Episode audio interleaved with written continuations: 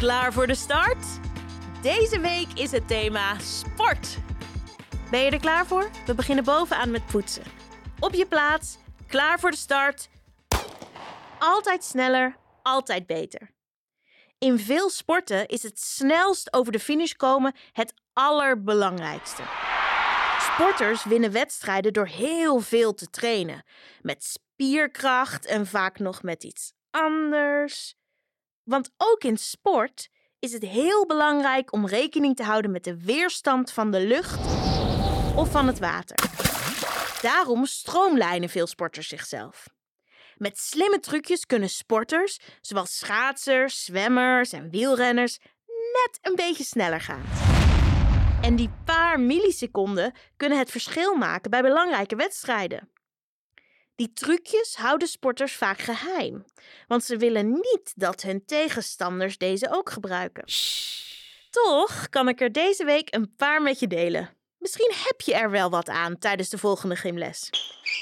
Wie weet word jij wel de snelste van de klas. Draai nu je tandenborstel en begin je ondertanden te poetsen.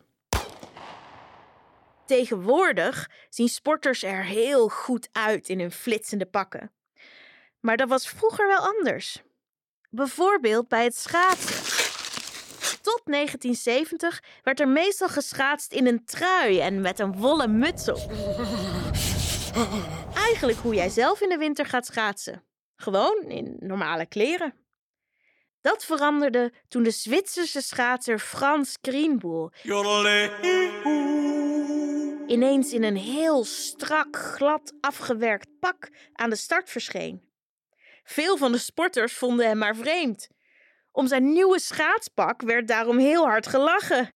Duh, kijk die gekke schaatser nou. Maar al snel bleek dat het schaatspak van die gekke schaatser wel echt werkte.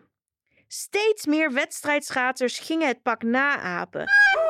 En inmiddels rijden alle schaatsers in zo'n strak pak. Dat was het voor vandaag. Spuug je tandpasta uit en spoel goed je mond.